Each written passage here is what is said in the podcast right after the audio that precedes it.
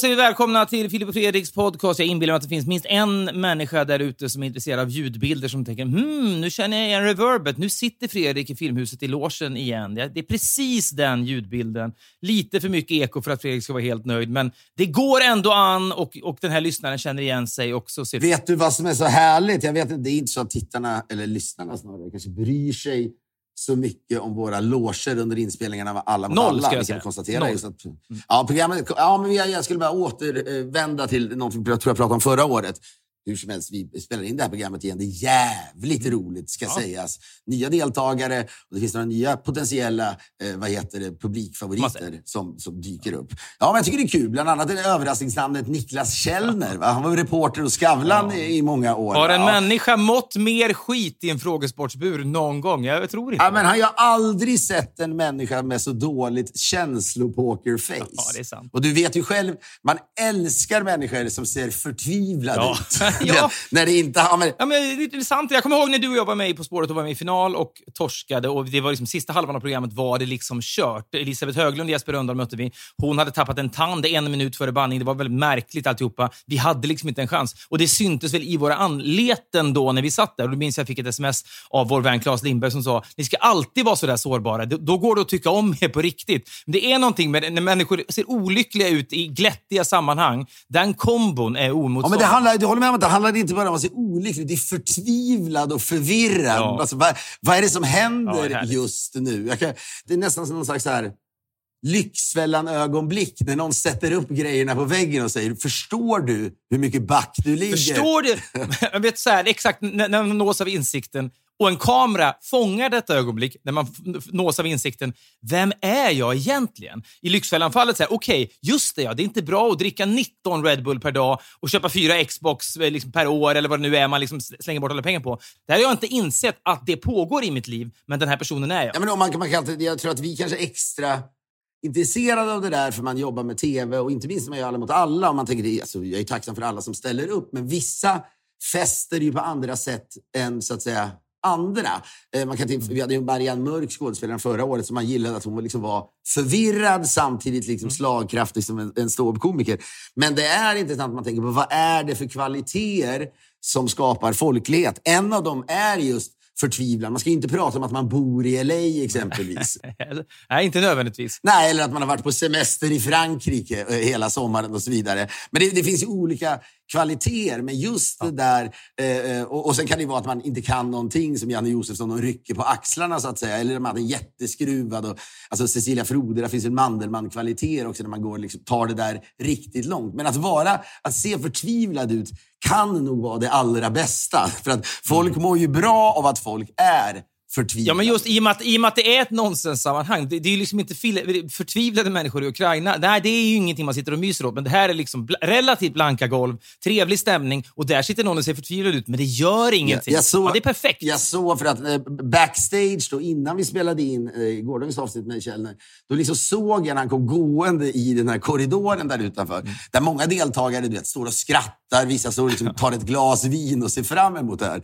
Det handlar inte bara om att se förtvivlad ut, utan det allra bästa är att se förtvivlad ut på långt håll. Det vill säga, att, Ja, att- det finns väl en bro i Venedig som heter Suckarnas bro, va? när folk gick, dödsdömda människor, eller livstidsdömda eller vad det nu var, gick över den. Det var det sista de såg av Venedig och liksom tjoande och skimmande och stimmande människor liksom, i, i sommar-Venedig. Och sen var det liksom inlåst eller off with their heads.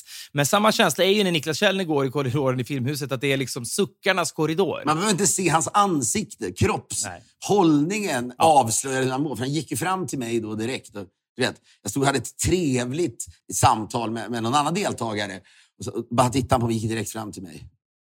hur blev det där egentligen? Sa han direkt och syftade på förra avsnittet. Och då vet man att han har legat liksom ja, ja. sömnlös där hemma. Men ändå är han tillbaka. Ja, och det är det man gillar, att, man ibland utsätter sig för det där. Men det är också för att det kontrasterar bjärt med den här liksom soliga individen som gjorde så här, du vet, intervjuer i Skavlan.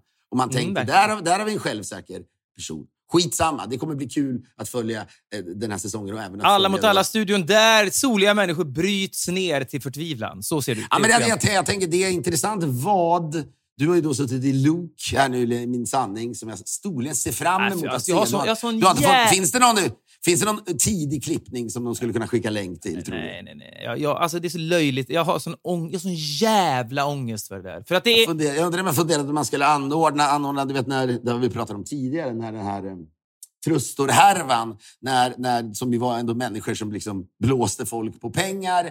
Eh, de kanske för- framförallt liksom blåste rika människor på pengar, vilket liksom gjorde det något soligare, Mm. möjligen. För det var väl så, när Bernie Madoff tog pengar i USA så var det väl många, de var väl också rika, men många blev bankrutt. Här kändes det som att de liksom tog pengar ett företag och brände dem. Det var, liksom inte, det var inte riktigt lika jävligt. Men i Göteborg blev ju de där, och framförallt då den solige Thomas Gisander, blev lite av en folkhjälte. Folk tillskrev honom Robin Hood-kvaliteter som han kanske inte satt på riktigt. Ja, men och i Göteborg så de har så desperat behov av hjältar. Det var väl lite typ pre-Håkans eh, enorma Ullevi-genombrott också. Det fanns liksom ett fönster för någon att i, i tio minuter bli en folkhjälte och då tog Thomas Isander. Ja, när då den dokumentären om eh, Trustor, var någon sån här, du vet, eh, TV3-dokument, sändes. Då körde de den som jag minns eller vi- att liksom på storbild på den här eh, restaurangen Joe Farellis på, Ja. eh, på, då, på Avenyn. Och folk liksom skrek som om det var liksom, Håkan kliver in och kör tro och tvivel. Det var ju den känslan där inne. Och det, så jag, funderade häromdagen på att, man skulle, att jag skulle, är jag i Sverige så ska jag ordna utan, liksom, jag, ska, det ska, jag ska överraska med det, liksom, tittning på liksom, Luke-programmet på, på en stor restaurang i Stockholm. Eller ja, vet, ja, ja. hyra Rival, där alla får sitta där. Men jag menar, det, det är något annat naturligtvis, men att sitta där och locka fram käns stora känslor hos tittarna med liksom, tårdrypande historier. Det kan funka, men inget, är, inget funkar så bra som liksom riktig förtvivlan. Det. Men apropå inspelningarna, igen då, så är det på sådana här inspelningar. Mina barn åkte hem, från, eh, åkte hem till USA häromdagen Mm. och de var liksom så ledsna, inte för att åka från mig, utan de, några, eh, under många säsonger har de varit med några dagar där. Mm. Det är många som tänker, gud barn ska inte få vara på jobbet, men i många fall så tror jag barn älskar Men att vara på fan tänker det. Nu är du för jävla... Nu är du Nej, det defensiv. finns, det, nej, det tror det ska vi Folk som säger att barn ska inte vara på jobb. Va- Vem säger det? Exemplifiera det. Vad fan får du det Nej, bara, bara, det känslan är väl att man ska ge barnen chansen till att umgås med sina föräldrar på ett annat sätt än när föräldern springer runt och är stressad.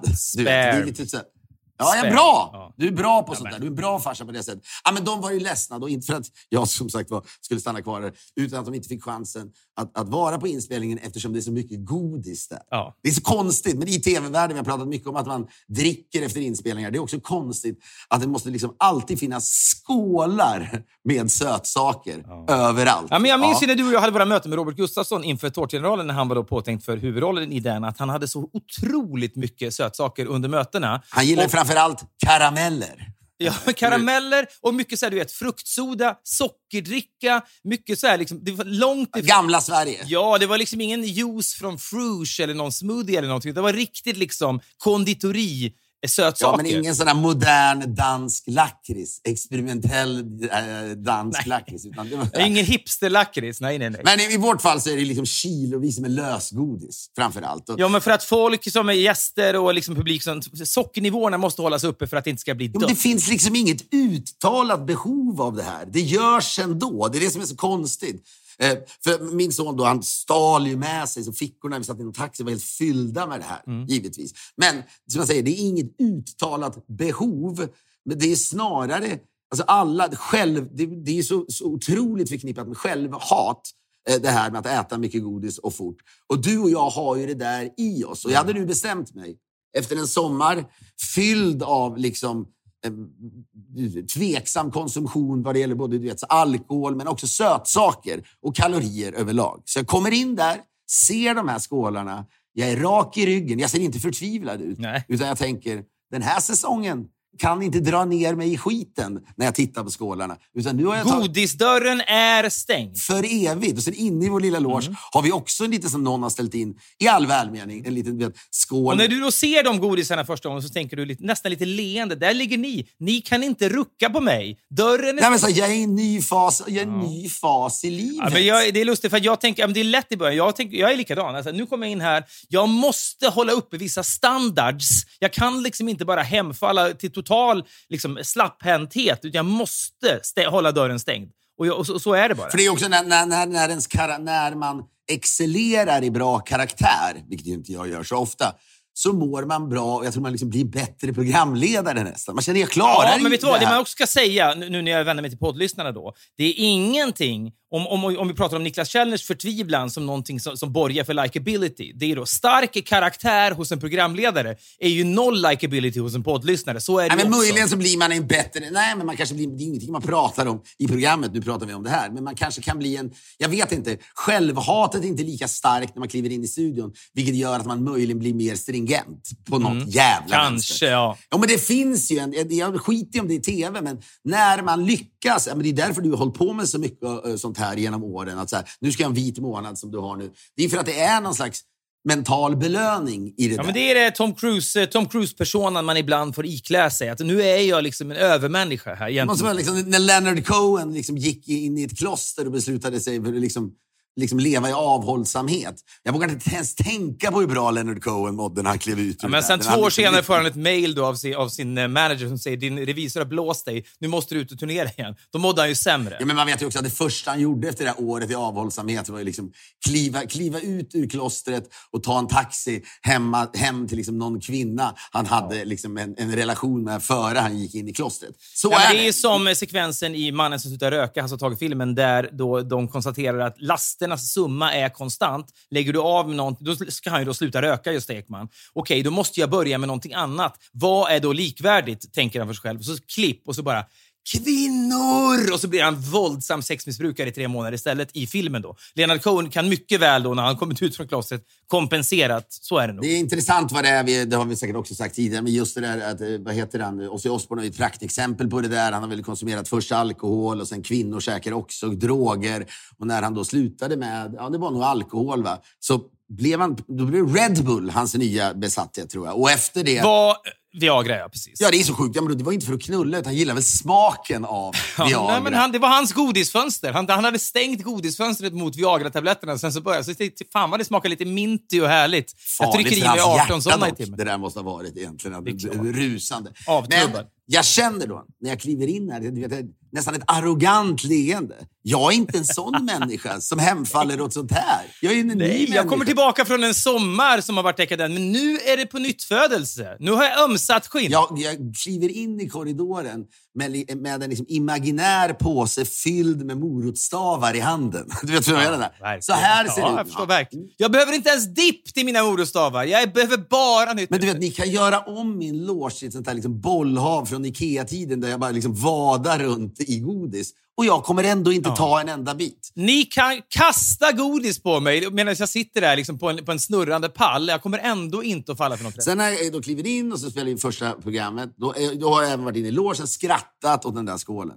Sen är jag liksom trött efter första inspelningen, första dagen på jobbet. Det var liksom st- är struligt. Ja. Så tar jag då, och det är en, en av sorterna som finns i den här skålen alltid är geisha. Ja. Som, jag, jag, vet, det- jag vet inte, det, det har väl aldrig, den har väl aldrig varit uppe för debatt. Att, för geishorna var väl några slags horor ändå? Eller? Ja, sällskapskvinnor åtminstone, men det är, nånt, det är någonting förföriskt. Halvhoror! Halvhoror Ja, om, vi, om vi konstaterar lite slappt att geishorna i ancient Japan, eller förr i, tid, förr i tiden Japan, var halvhoror.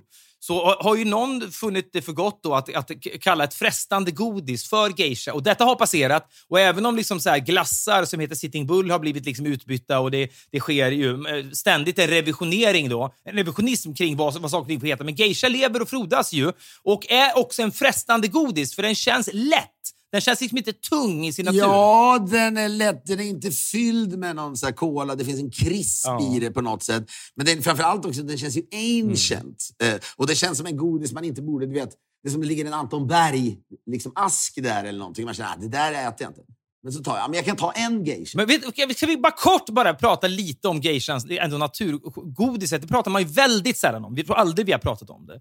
Och Det är någonting med den där rosa förpackningen. Det är nästan lite... lite det är någon- fingodis. Ja, utan att det är dyrare än annat godis. Det är, det är en extremt lyckad paketering och någonstans så tror jag att människan som, som valde att inkludera geisha-praliner i godiset som finns i vår loge eller i, vår, i, i filmhusets korridor är lite diabolisk. Det är lättare att falla för geisha än för andra praliner bara. Och jag förstår inte riktigt varför. Men det är ändå geishans överlevnad eh, liksom, i dessa Masked Singer-tider är ju överraskande. Eller hur? Hur menar ja, men du? Menar det, ja, men det är inte så att dina döttrar, när de köper lösgodis, du vet, öppnar upp den här lilla liksom, geisha-lådan. Det känns ju någonting som gamla människor sysslar med. Att äta geisha. Ja. Då, Ja, inte- jag tror aldrig mina döttrar har ätit geisha. Nej. Nej, fråga dem om det. Det jag tror jag inte de har gjort. Nej, men så tar, om någon jävla anledning. För jag tänker, ja, det är redan, då har ju redan flyttat fram gränsen. Men jag tänker, det här klarar väl jag av. Jag tar en geisha. Hur smakade geishan då? Gjorde den jobbet? Det gjorde jobbet, men då trodde jag att jag var en människa som kan ta en geisha och sen bara gå ut ur låret, njuta av den lilla geishan. Känna smaken, hur det ligger Ja. kvar i gommen och nöja mig med det. Påminna dig själv om hur geisha är konstituerad och sen gå vidare bara. Ja, Och så börjar folk skrika. Ja, men det är lite som den- gången du och jag hopp- du hoppade fallskärm en gång och sen så var det, ja det där var helt otroligt. Nu gör man, behöver man aldrig mer göra det igen och så kommer man nog aldrig mer att göra det igen heller. Den känslan vill man ju kunna applicera på andra ja, typer av eller, men, eller alltså, jag kanske tar en geisha igen om två veckor. Det klarar jag av. Ja, Då tar jag ändå. ja men inte, inte om två minuter. Det är väl hela grejen. Sen börjar då Sean, vår studioman, jag hör alltid ljudet, jag är ganska sen in till inspelningarna, men ofta i tiden, då, men jag är i sista sekund, så hör jag, han skri, skriker någonting. Alla på plats! skriker han. Då så tar jag ytterligare en geisha. I farten bara. Du, knappt tänker, du märker det knappt. Nej. Nej, jag tar det, jag liksom står och tittar mig själv i spegeln, rättar till slipsen.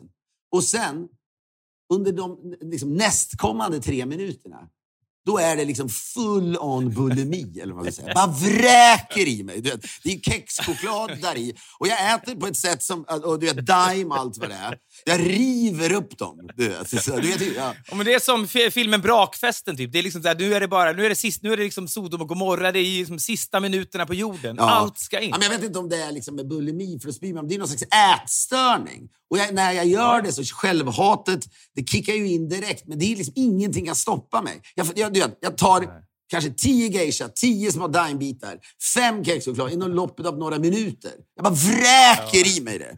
Och allt, alla mina drömmar och all min övertygelse om vem jag är går ju upp i rök. Det här är dag ett av inspelningarna. Nu ska vi börja spela in dag fyra. Det här har bara fortsatt på ett sätt och man hemlighåller det ju lite grann. Det är, man, Mm. Ja, men jag, jag hör på dig nu att du tycker att det är nästan skönt att, att lätta på locket och bara jag erkänna hatar för dig mig själv. själv så mycket. Jag hatar, jag är äcklad av mig själv och känner vem, vem vill, vill vara nära en sån här människa? Nej, men det, det, ja, ja, vi har inte pratat om det här förut, men vi, vi brottas med samma saker. Eh, och när du då kom fram till mig... Ja, för dag du har väl haft tider då du vräker Ja, men det är klart. Ja, och det är därför jag måste lägga lock på mig själv, lägga band på mig själv och ha de här liksom, ja, men, tvärstopp och stängda dörrar. Men när du då kommer fram dag två till mig med godisskål in i studion och säger så här, ska du ha en geisha? Och jag då säger, nej det är bra tack. Jag vill ha med dig på tåget. Ja, ja exakt. Du vill liksom dra ner mig och jag ser i hur liksom du hatar mig. I den stunden när jag säger nej tack, det är bra för mig. Då hatar du mig i några tiondelar åtminstone. Kan du erkänna Ja, men det det? gör jag. Men jag också, jag är framför allt i det här läget ändå så jävla besviken på mig själv. Jag känner ju att jag är... Ja, men vet du vad du också är? Du är ensam ju. Du vill ju ha sällskap. Ja, men så är det. Och jag, men jag inser också att det här beteendet är inte friskt. Jag är förmodligen... Nej. Jag tror inte så många hå- håller på med det här. Och min självhatet är ju då galopperande, verkligen. Mm. Och jag insåg att det liksom är kört. Det, det är inte så att jag bara, okej, det här var idag, första dagen. Ja, men nu är det så här, nu har vi, nu har vi inspelningar den här veckan och sen så är det upp, uppehåll en månad. Typ. Det enda chansen du har det är inför nästa inspelningssjok då, i, i mitten på september någon gång. Där måste du ha dörren stängd. Det är enda chans. Fram till dess är det ju kört. Det Men vet hur du. ska det gå till? Jag har, så här, förra säsongen då i slutet, av någon anledning, jag tror det var det, så lyckades jag. Du vet, så här, jag tog istället några nötter någon gång och Mm. så köpte jag även såna, du vet, så här, proteinbars, för man vill inte äta en tung lunch. Vilket är ju liksom, det angränsar i någon slags jävla godis också. Det känns som att, att börja med en sån gör ju... Proteinbars är en jätteinkörsport till geisha, så är det bara. Ja, men då fick det mig att tänka på så här, att jag hatar människor, jag vet inte vilka de är, men som klar, för du har väl också stopp på alkohol nu, va? eller hur? Ja, det har jag. Men det finns ju också människor som liksom grejar att bara ta en geisha. Och de människorna hatar man. Men människor som så här, tittar i en liten ask, tar en och så känner det Ja. där var väl trevligt. Ja. Alltså, de människorna är ju värdelösa också. Ja, men lite så är det faktiskt. Men det är också, man är avundsjuk. Jo, men det är oäventyrliga människor. Om jag nu ska då försöka på något sätt göra mig, så här, badda mig själv en sekund. Men det är verkligen så här, det är overkligt vilken dålig karaktär man har igång. Och att godis, folk älskar ju att säga godis är värre än du vet, alkohol, än, än liksom Ja, ja, droger ja. och så vidare. Jag vet inte om det är sant, men i mitt fall, alltså jag aldrig när jag sitter där, Sean skriker, alla på plats. Alltså hade någon sett mig där, det är oerhört mörkt att se mig riva upp de här. Det bara flyger så här. Ja, men det är också någonting att alla, alla praliner du pratar om, det här är väl en konsekvens av pandemin också, att det serveras bara då inlindade saker. Och det är kanske är bra då, och inte ska bli så mycket bakteriespridning överhuvudtaget. Men det, både geisha, daim, kexchoklad, alla är ju inslutna i papper, så det är då en, en rafsig, rivig procedur att få i sig. Det är liksom som att äta med pinnar, det tar liksom lite längre tid. Och det är liksom... Man känner, jag fick någon här känsla igår, det borde lagstiftas om godis på något sätt. Du har käkat för många geisha. Det borde vara brottsligt. För jag känner, jag känner mig så här, det här kan ta död på mig, känner jag nästan. Alltså, det kan väl inte vara nyttigt? Vad händer med kroppen när man liksom vräker i sig tre gram geisha innan man går Tre in och gram geisha är väl inget... Vad pratar du om? Tre hektar? Nej, sen tre hekto menar jag. Tre Ja. hekto menar jag. Ja, men det är så här, och det är ganska, det är ganska mycket. Så att, ja, jag ville bara säga det. Att, men nu ska jag försöka där. Och, eh, man får väl säga liksom, fortsättning följer. Du kan ju studera mig idag. Mm. Ja, jag, kommer, jag kommer att snegla åt dig. Jag har nu bestämt mig för att idag börjar ett nytt liv. Ja, en ny dörr. En ny godisdörr som är stängd. Det är, inte, ja, det är mer älskvärt än att bo i LA att ha dålig karaktär. För jag har så jävla dålig karaktär. Men jag trodde, jag haft en känsla av att nej, det Mm. där var mitt förra liv. Men det var det inte. Vi är denna vecka sponsrade av Coop som ju är medlemsägt och Sveriges enda kooperativa matkedja. De ger massa bonus. Detta är viktigt tillbaka till sina medlemmar. Då. Som Coop-medlem tjänar du till exempel poäng både när du handlar hos Coop och hos Coops utvalda partners. Poängen kan du sen då växla in till en värdecheck. Ja, till exempel då, så här kan det se ut. Du handlar mat på Coop och tjänar poäng på hela ditt köp. Och inför då hösten surfar du sen in och köper böcker hos Adlibris och tjänar ännu mer poäng även där. Eh, poängen sen då, de växlar du in till en värdecheck som du kan handla ännu mer mat för och så vidare och så vidare. Det är en liksom evighetsmaskin av bonuspoäng och fördelar. Och nu när hösten börjar så är det ju är det skönt att kunna falla tillbaka på sina bonuspoäng eftersom plånboken ofta är lite, lite tunnare. Du hittar Coops partners och medlemserbjudanden på coop.se slash medlem. Här kan du också bli medlem om du inte redan är det. Vi säger stort tack till Coop! Jag har eh, under lång tid stoppat mig själv från att säga en mening jag alldeles strax ska säga. Oj! Låt, Fan, mig, inte- låt mig få prata lite kort om Way Out West. du kan se framför dig att jag verkligen jag, jag brottas. Jag ser någonting som handlar om Way Out West. Men Mm. jag känner ändå att jag, jag och även du, är vi liksom för bra för att snacka om Way Out West. Hela ditt väsen recoilar, rekylerar av tanken på att ta upp Way Out West. Men du, nu känner Ja, du men det är liksom så vi, är för, vi är för... Våra observationer är för komplexa för, Ja. för att de ska kunna ham, ha- handla om, om Way Out West. Nu vill jag prata om Way Out West och kanske är det så, bara för att jag vill prata om Way Out West, att min observation är okomplex och Ja. värdelös. Ja, det kan ju vara en indikation på det. Men så här, jag kan bara, background är väl att det, det har funnits i, inte vet jag, 10-15 år. Det har varit på tapeten. De har varit liksom en innerstadsfestival relativt i Slottsskogen. Det var omskrivet för att det var vegansk mat ett tag. Göteborgs-Posten då i protest sålde varmkorv Men utanför. det har väl också varit sådär håk, att de har liksom varit lite konceptuella.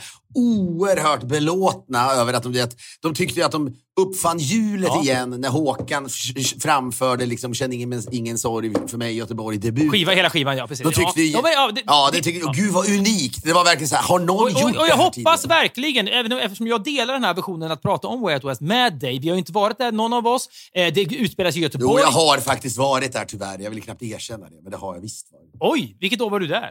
Ja, jag vet inte vilket år det var. Jag, jag försökte gå runt och vara nonchalant och rycka på axeln för vad det var. Men det var, något, det var något år. Men jag vet inte hur mycket jag såg. Jag, jag minns inte. Men det finns framförallt en belåtenhet i den här festivalen som gör att man knappt vill ge det Men syre. både bland egentligen besökare och de som liksom skickar ut pressmeddelanden om att det ska serveras vegansk Ja, mat. jag förstår.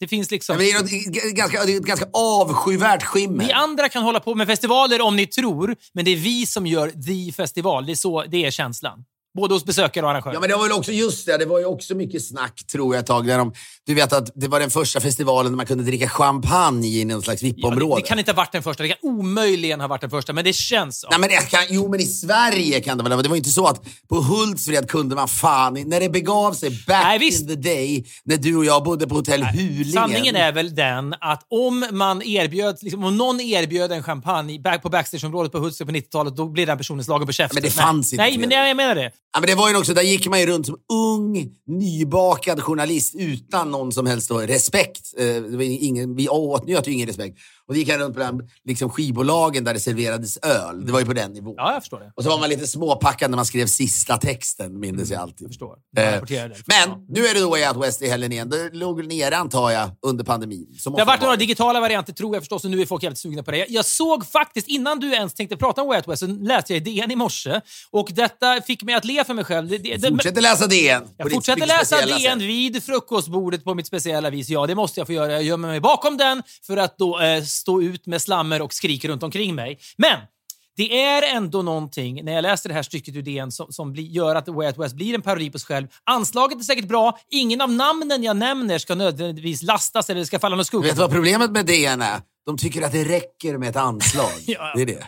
Men här rapporterar de ganska straight ifrån eh, planerna inför då helgens Wild West. Då skriver de så här.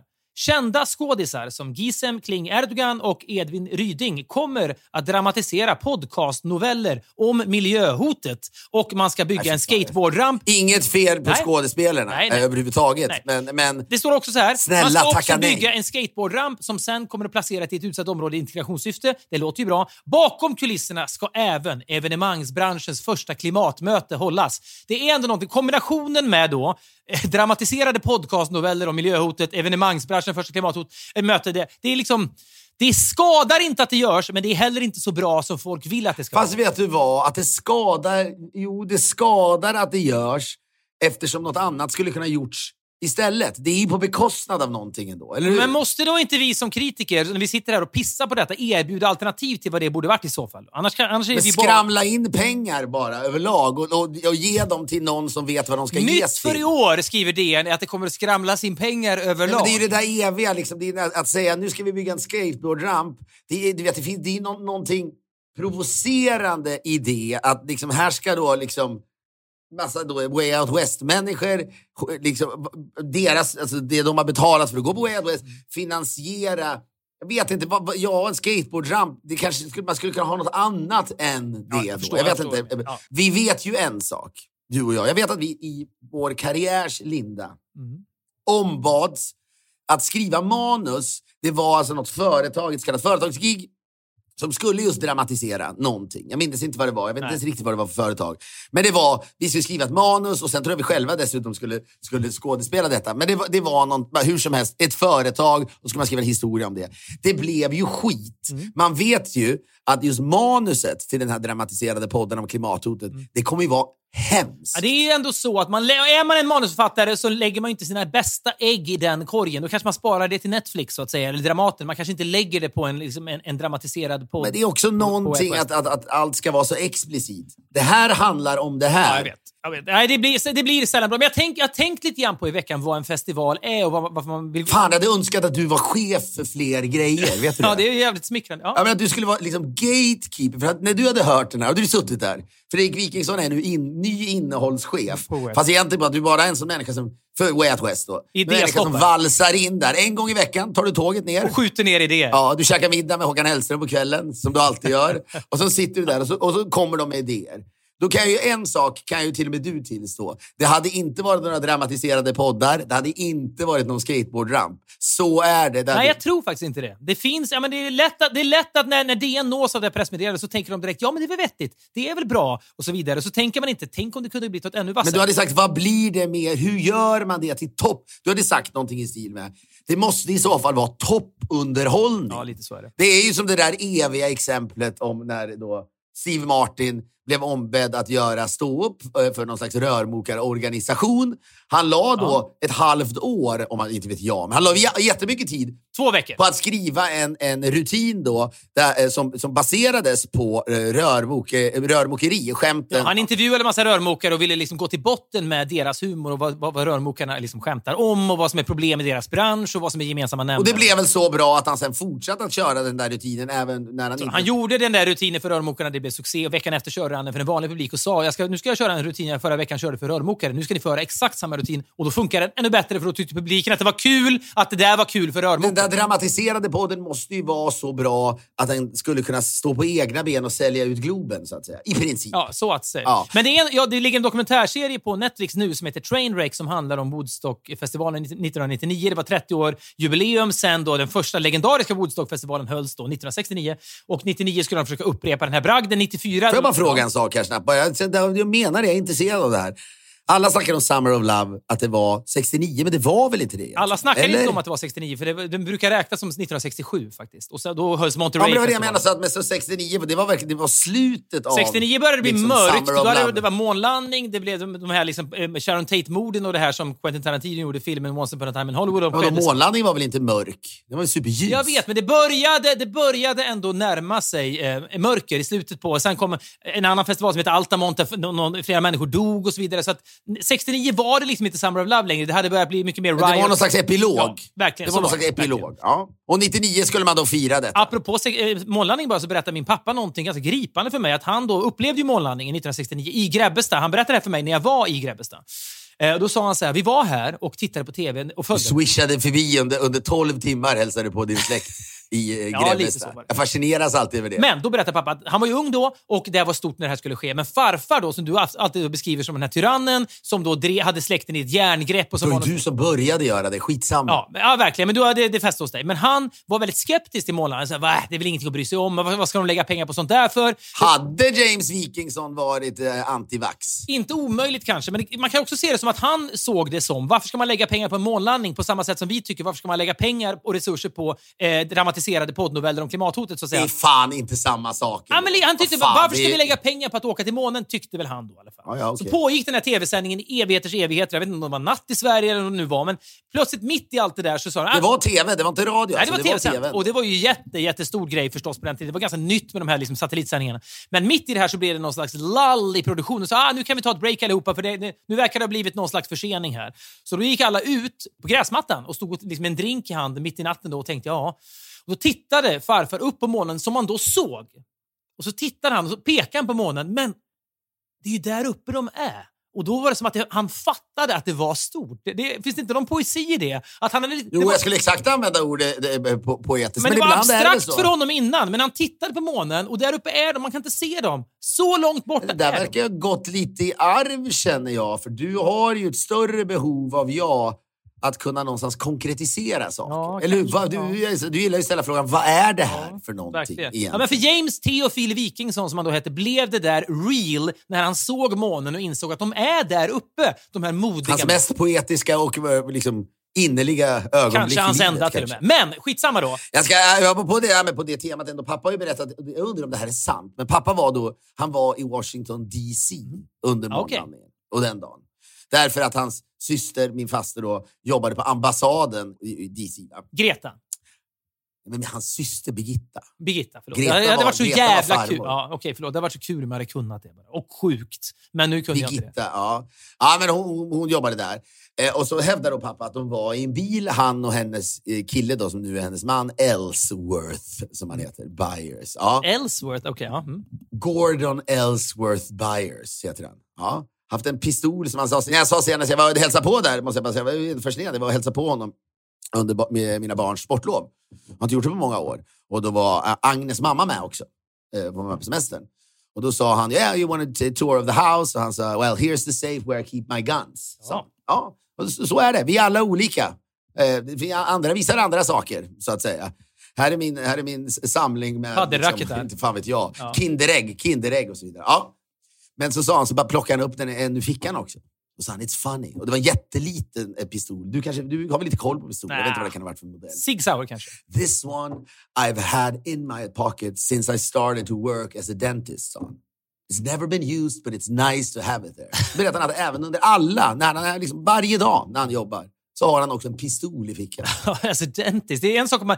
Ever since I started working as a security guard har jag velat ha en pistol. Jag vet, men det är så lätt att avfärda det som en idiot. Jag tänkte också, ja, då får han väl ha det då. Jag är på det Men låt oss gå tillbaka då till den här varma sommardagen 1969. Ja. Ja, och du ska sen gå tillbaka till den där, eh, vad heter det? Nej, men nu vill vi gå tillbaka till bilen där din pappa och Ellsworth sitter då. Ja, han sitter där med Gordon Ellsworth och då ligger det som pappa också, så i handskfacket låg det också en pistol. Okej, ja, regnar pistolen. Kan du se min pappa ladda om? Han skulle säga till pappa, kan du ha den här? Ja, den Kan. Lars, kan du hålla den här? Ja. Då hade han, då hade han varit på death row idag känns det som pappa. Men då hävdar pappa, tror du att det här är sant? Att de åker, Redan innan, jag kan säga så här, min prognos kring ditt spörsmål, om jag kommer att tro att det här är sant, är att jag förmodligen kommer att betvivla sanningshalten. Men jag lyssnar gärna. Ja, men kanske. Ja, men det, för det här är också lite då möjligtvis poetiskt. Men det är då en fyrfilig motorväg eh, utanför då, eh, eh, stan. Liksom. Och så eh, eh, radiosändning då och sen så börjar det väl då närma sig. Så att någon säger “Here we go”. The, vad hette den som hade landat på månen? Vad hette den? The som- Vess, uh, Eagle has landed kanske. Eagle has landed. Precis då hävdar pappa att alla bilar bara saktade ner och stannade. Mm. Och sen stod alla bilarna på motorvägen samtidigt då som a small eh, eh, step for man, eh, man but a giant leap for mankind. Att alla stod där och sen att folk gick ut ur bilarna och applåderade för att sen hoppa in i bilarna och att livet sen bara skulle gå vidare. Hade man inte sett bilder på det här om det här hände? Jo, alltså så här, för grejer, det jag alltid chockas över, de Men det är en fin tanke, eller hur? Det är en fin bild. Ja, jättepoetiskt, jättefin. Men det jag alltid slås av när man råkar befinna sig i, i en bil eller in transit när historiska saker händer. Liksom. Jag kommer ihåg när liksom, det är inte alls historiskt för fem öre, men när liksom Sverige var i straffläggning i OS-finalen, Caroline Seger missade sådär. Då sitter jag i bilen, jag var tvungen, jag hade väl liksom missat det här och bara upptäckt, och just nu pågår det här, jag får lyssna på det i bilen då. Och så ser jag det är bilar omkring mig överallt. Alltså när Foppa avgör, det är det du snackar om? Lillehammer? Nej, eller? Caroline Seger, OS-finalen alltså Ah, i ja, ja, somras. okej, okej. F- Förra Ja. sommaren, alltså fotbolls-OS. ja. Ja, men man tänker så här, nu är väl hela Sverige uppslukat i det här. Så ser man sig omkring i trafiken. Folk sitter och spelar musik. Folk sitter och, du vet, oftast är människor i bilar upptagna med eget. Det finns liksom inte den där kollektiva... Du menar liksom- att om man är i en bil när någonting ikoniskt ska då utspela bryr sig... man sig inte riktigt, är min uppfattning. Men det kan säkert vara ett undantag där. Jag vill ju tro det, det din pappa säger, för det låter ju väldigt vackert att de ska stå där. Ja, men numera kan man ju sitta och titta på en, en OS-final i fotboll naturligtvis på sin telefon i bilen. men känslan är ofta när man är in transit att man inte bryr sig på något sätt. Så är det. Men Men skitsamma. Jag menar, jag bara kände att det, det, det lät för bra. Jag sa, jag frågat, pressat pappa på det här, men han hävdar att det är sant. Men det känns som man borde ha sett En bild. Ja, från det här. En annan myt, givetvis första världskriget, då, första julen 1914 då, när de låg i skyttegravarna, så är myten då att, att eh, sk- skottlossningen, det blev någon slags tillfällig då vapenvila, det blev tyst och så gick tyskarna och engelsmännen upp ur sina respektive skyttegravar, möttes på, i no man's land och sjöng julvisor, spelade det fotboll. Ja, men, ja, det, jag har inte sett bilder på det heller, Men att man gör, ja, men spela fotboll har jag aldrig hört. men då fanns visst. det väl knappt kameror, höll jag på att säga, Ja, 1914. men det var ju för kallt för att spela fotboll ändå, det kan vi väl enas Ja, om. men det var ganska milt i december nere i liksom Ja, men om det där är sant är det ju också jättepoetiskt. Liksom, och dagen efter börjar man försöka döda varandra igen, Ja. naturligtvis. Det, ja, det är... Det är snäppet mer poetiskt än eh, liksom, din farsas historia. Men, men, En del som sitter och tänker på vad det gäller skyttegravar. Om du hade befunnit dig i en skyttegrav och det då hade funnits walkmans på den tiden. Hade du då, tror du, i skyttegraven legat och lyssnat på Dylan? Eller hur? Visst hade du gjort det? Alltså det, när, det närmaste jag kommit är i lumpen. Det var enda jag gjorde var att lyssna på Dylan i, i, en Walkman givetvis. Så jag tror Folk det. på det. skriker på det. Ja. Ja, ja. Men du, den här Netflix-serien då? Tillbaka då till absolut, vad en festivalupplevelse är för något. Vad är man ute efter på en festival? För den här, det, det är en väldigt sevärd serie som ligger på Netflix nu som heter Trainwreck Woodstock 99 där de ska upprepa då den här enorma framgången med festivalen som var 1969. Och det går ju då käpprätt åt helvete. Det är en lång dokumentär, men det som är liksom framför allt en illustration av musikklimatet i USA sent 90-talet, det är bara liksom det som kallas new metal, då, liksom Limp Bizkit, det är Korn, det är Kid Rock. Det är liksom skitens skit ja. musikmässigt. Och så klämmer Vad stora de var, Limp Bizkit. Fred Durst. Ja, men de är enormt stora då. Och sen är det liksom, så klämmer de in lite Jewel och lite Sheryl Crow för att lugna ner publiken. Och det enda publiken skriker då är “shows your tits”. Det är liksom en väldigt märklig stämning. Men vadå, så Det jag ur. fråga så man sätter in det i sammanhang. Publiken var, bestod då mest av Limp Bizkit-fans. Det var inte så att publiken stod och väntade på att, på att liksom Jewel, nej. Bon Nej. Iver skulle gå upp och spela. Han hade väl inte, Nej, nej, nej, Utan det var liksom, det är långt ifrån Way Out West-crowden, långt Ja. ifrån Coachella. Utan det, är liksom, det, är, det är bara amerikanska bros som är där för att liksom morspitta och liksom bete sig som skit.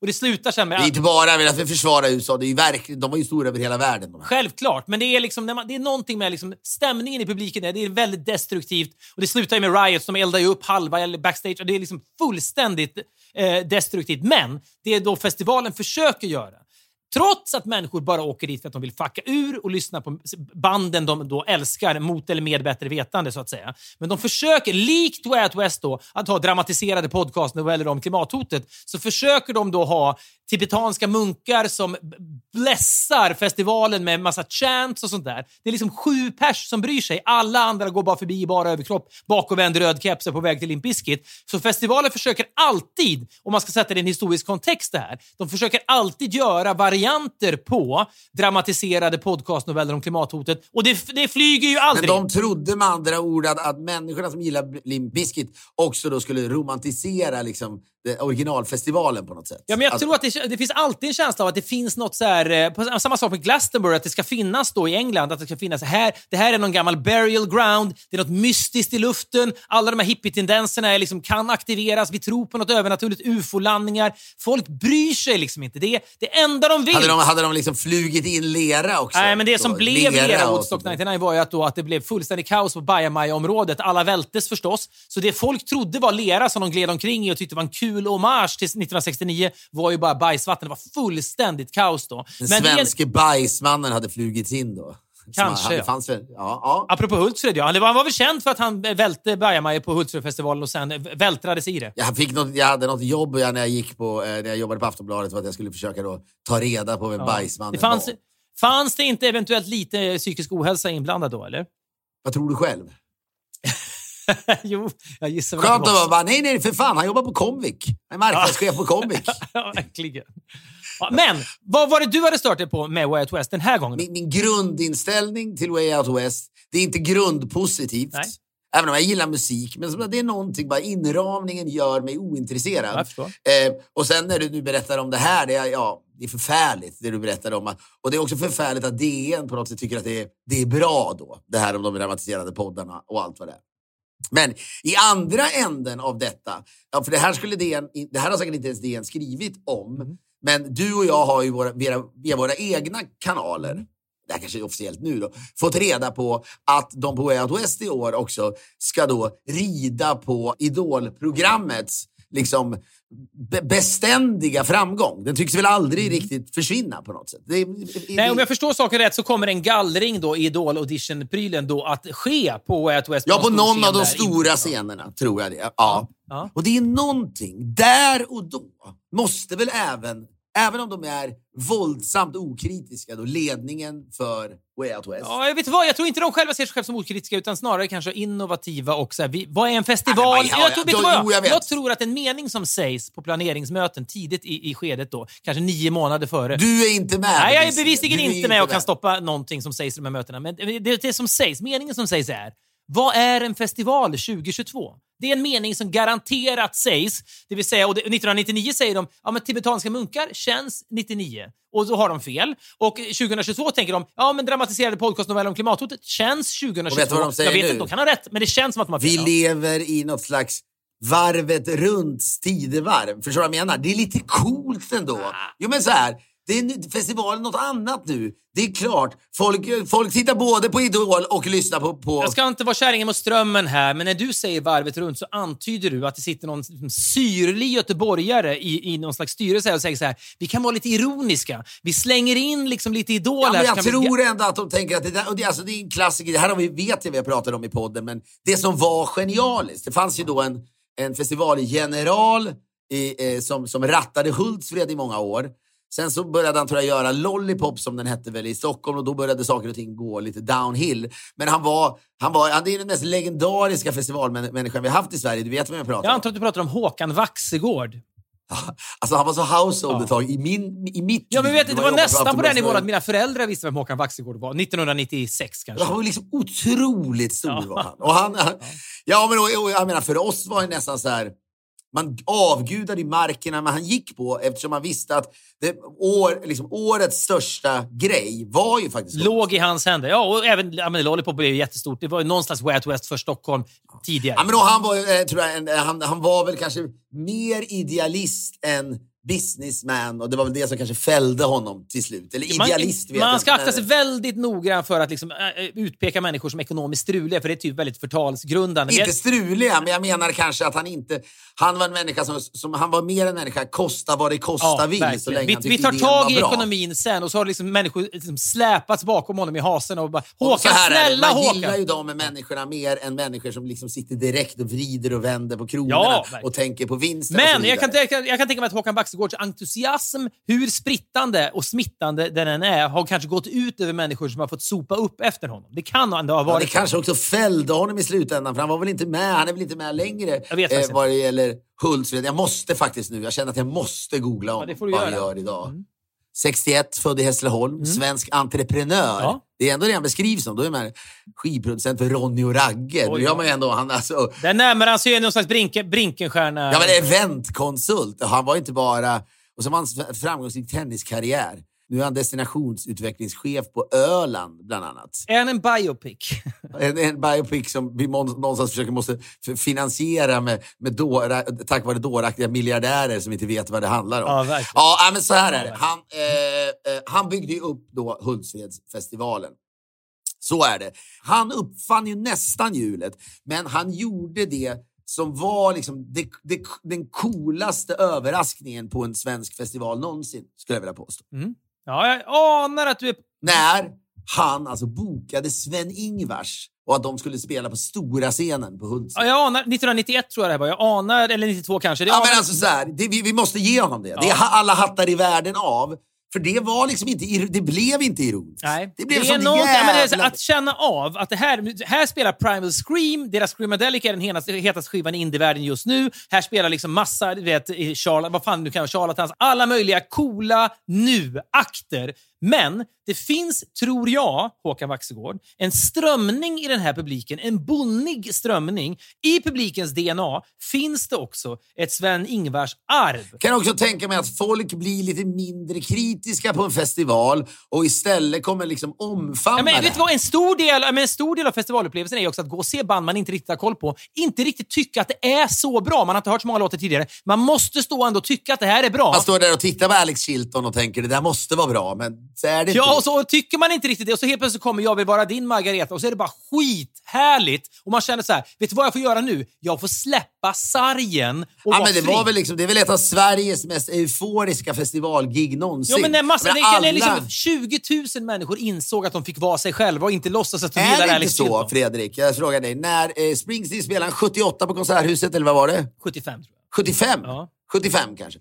Ja, men det är en klassisk spelning då innan han började spela för, liksom, på arenor och så vidare. Men det är klassiskt då att det, liksom, alla var där. Det finns att en, om, om du går ut och gör en enkät på- i Stockholm eller i Sverige, så här, var du på Konserthuset i 1975 och såg Springsteen, då, då skulle man då statistiskt komma fram till att Konserthuset den kvällen rymde liksom 800 000 människor. För så många människor vill ha varit där. Så de säger kanske... Jag tror att det där, nummer två på listan, eller kanske nummer ett på den listan, Ja, menar. också Sven-Ingvars. För det är verkligen känslan att alla vågade stå för det. Ja, och man ska komma ihåg, den typen av bokningar har ju många gjort sen dess. Men han Ja! var ju först med att, att 1991 eller 92 vad det nu är, inse att detta kan flyga i det här creddiga sammanhanget, dra in det svennigaste som finns i det, det flyger. Det, Han var gud! Vaxegård var gud! Det är visionärt på ett sätt som en skateboardramp eller dramatiserade podcastnoveller om klimathotet inte är. Nej, men precis. Ja. Det var det jag skulle komma till. Att det de då... Det var, han var liksom... Alltså, det, Mm. Perfektion. För han valde precis rätt grej. Det är ju det det här saken. Vi kan skita i då dramatiserade poddar, för det, har, det, är inte liksom, det är inte samma sak. Utan det här var ju något som var en del av utbudet. Men, men det här med att de bokar Idol. Det, det är liksom inget vaxegårdskt över det överhuvudtaget. Det är inte så att folk kommer stå där och tänka Nu får jag ryckas med i det här. Herregud vad kul! Jag väljer att omfamna det här. Det är därför jag, jag kände när jag hörde om det här, då, att det är någon gallring som sker på, på stora scenen, så kände jag bara, men nu är det bara att lägga ner skiten. Alltså, uh, Way Out West. Du, det, det du blivit drar ingen- en, en, linje i sanden helt enkelt. Efter men det detta finns, finns det ingen det, det, det är återvändo. finesslöst. Mm, ja. Om man tänker, jag menar, men, jo men vadå, det kan man förvänta sig. Jag, Jo, men jag tyckte om jag- ordet. Jag, tyckte, jag väntade mig inte det ordet bara. Därför skrattar jag. Jag, jag hånar det inte Ja, men jag kan säga så jag, hade, jag tror ändå att även om min inställning i grunden är kritisk till Way Out West, Mm. så tror jag, hade de gjort någonting liksom på Vaxegårds nivå, Ja, men så hade jag ändå... det viktiga här, det här, det, måste, det här måste du också förstå.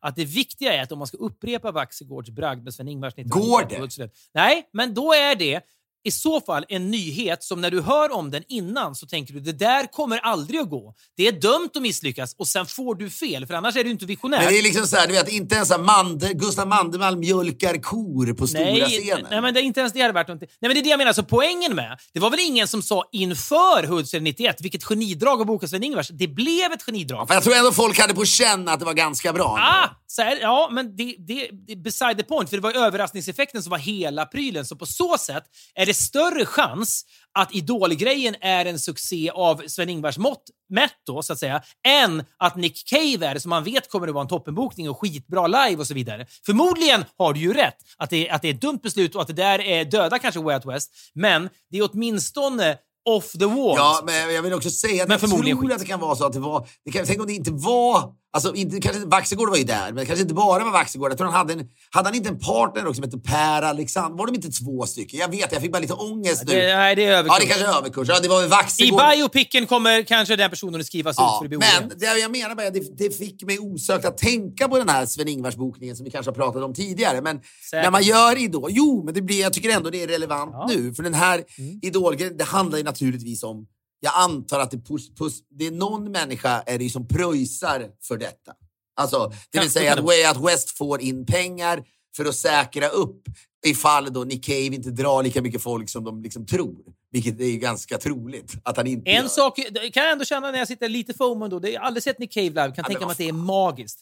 Det hade jag velat se. Jag kan den där liksom Kylie Minogue-låten typ. Så mycket annat kan Nej, jag men jag tror när man står Är där... han inte någon slags fattigmans Nick Drake? Nej, du, nu är du out of your L. Du vet ingenting om Ja, men det är väl samma känsla ändå väl? Deppigt Vi ska sluta med en väldigt bra Nick Cave-låt den här gången bara för det. det. Det kan vara bra fast det är deppigt, Filip. Jo jag, jo, jag vet, säger mannen som gillar liksom Sleeping in my car med Roxette.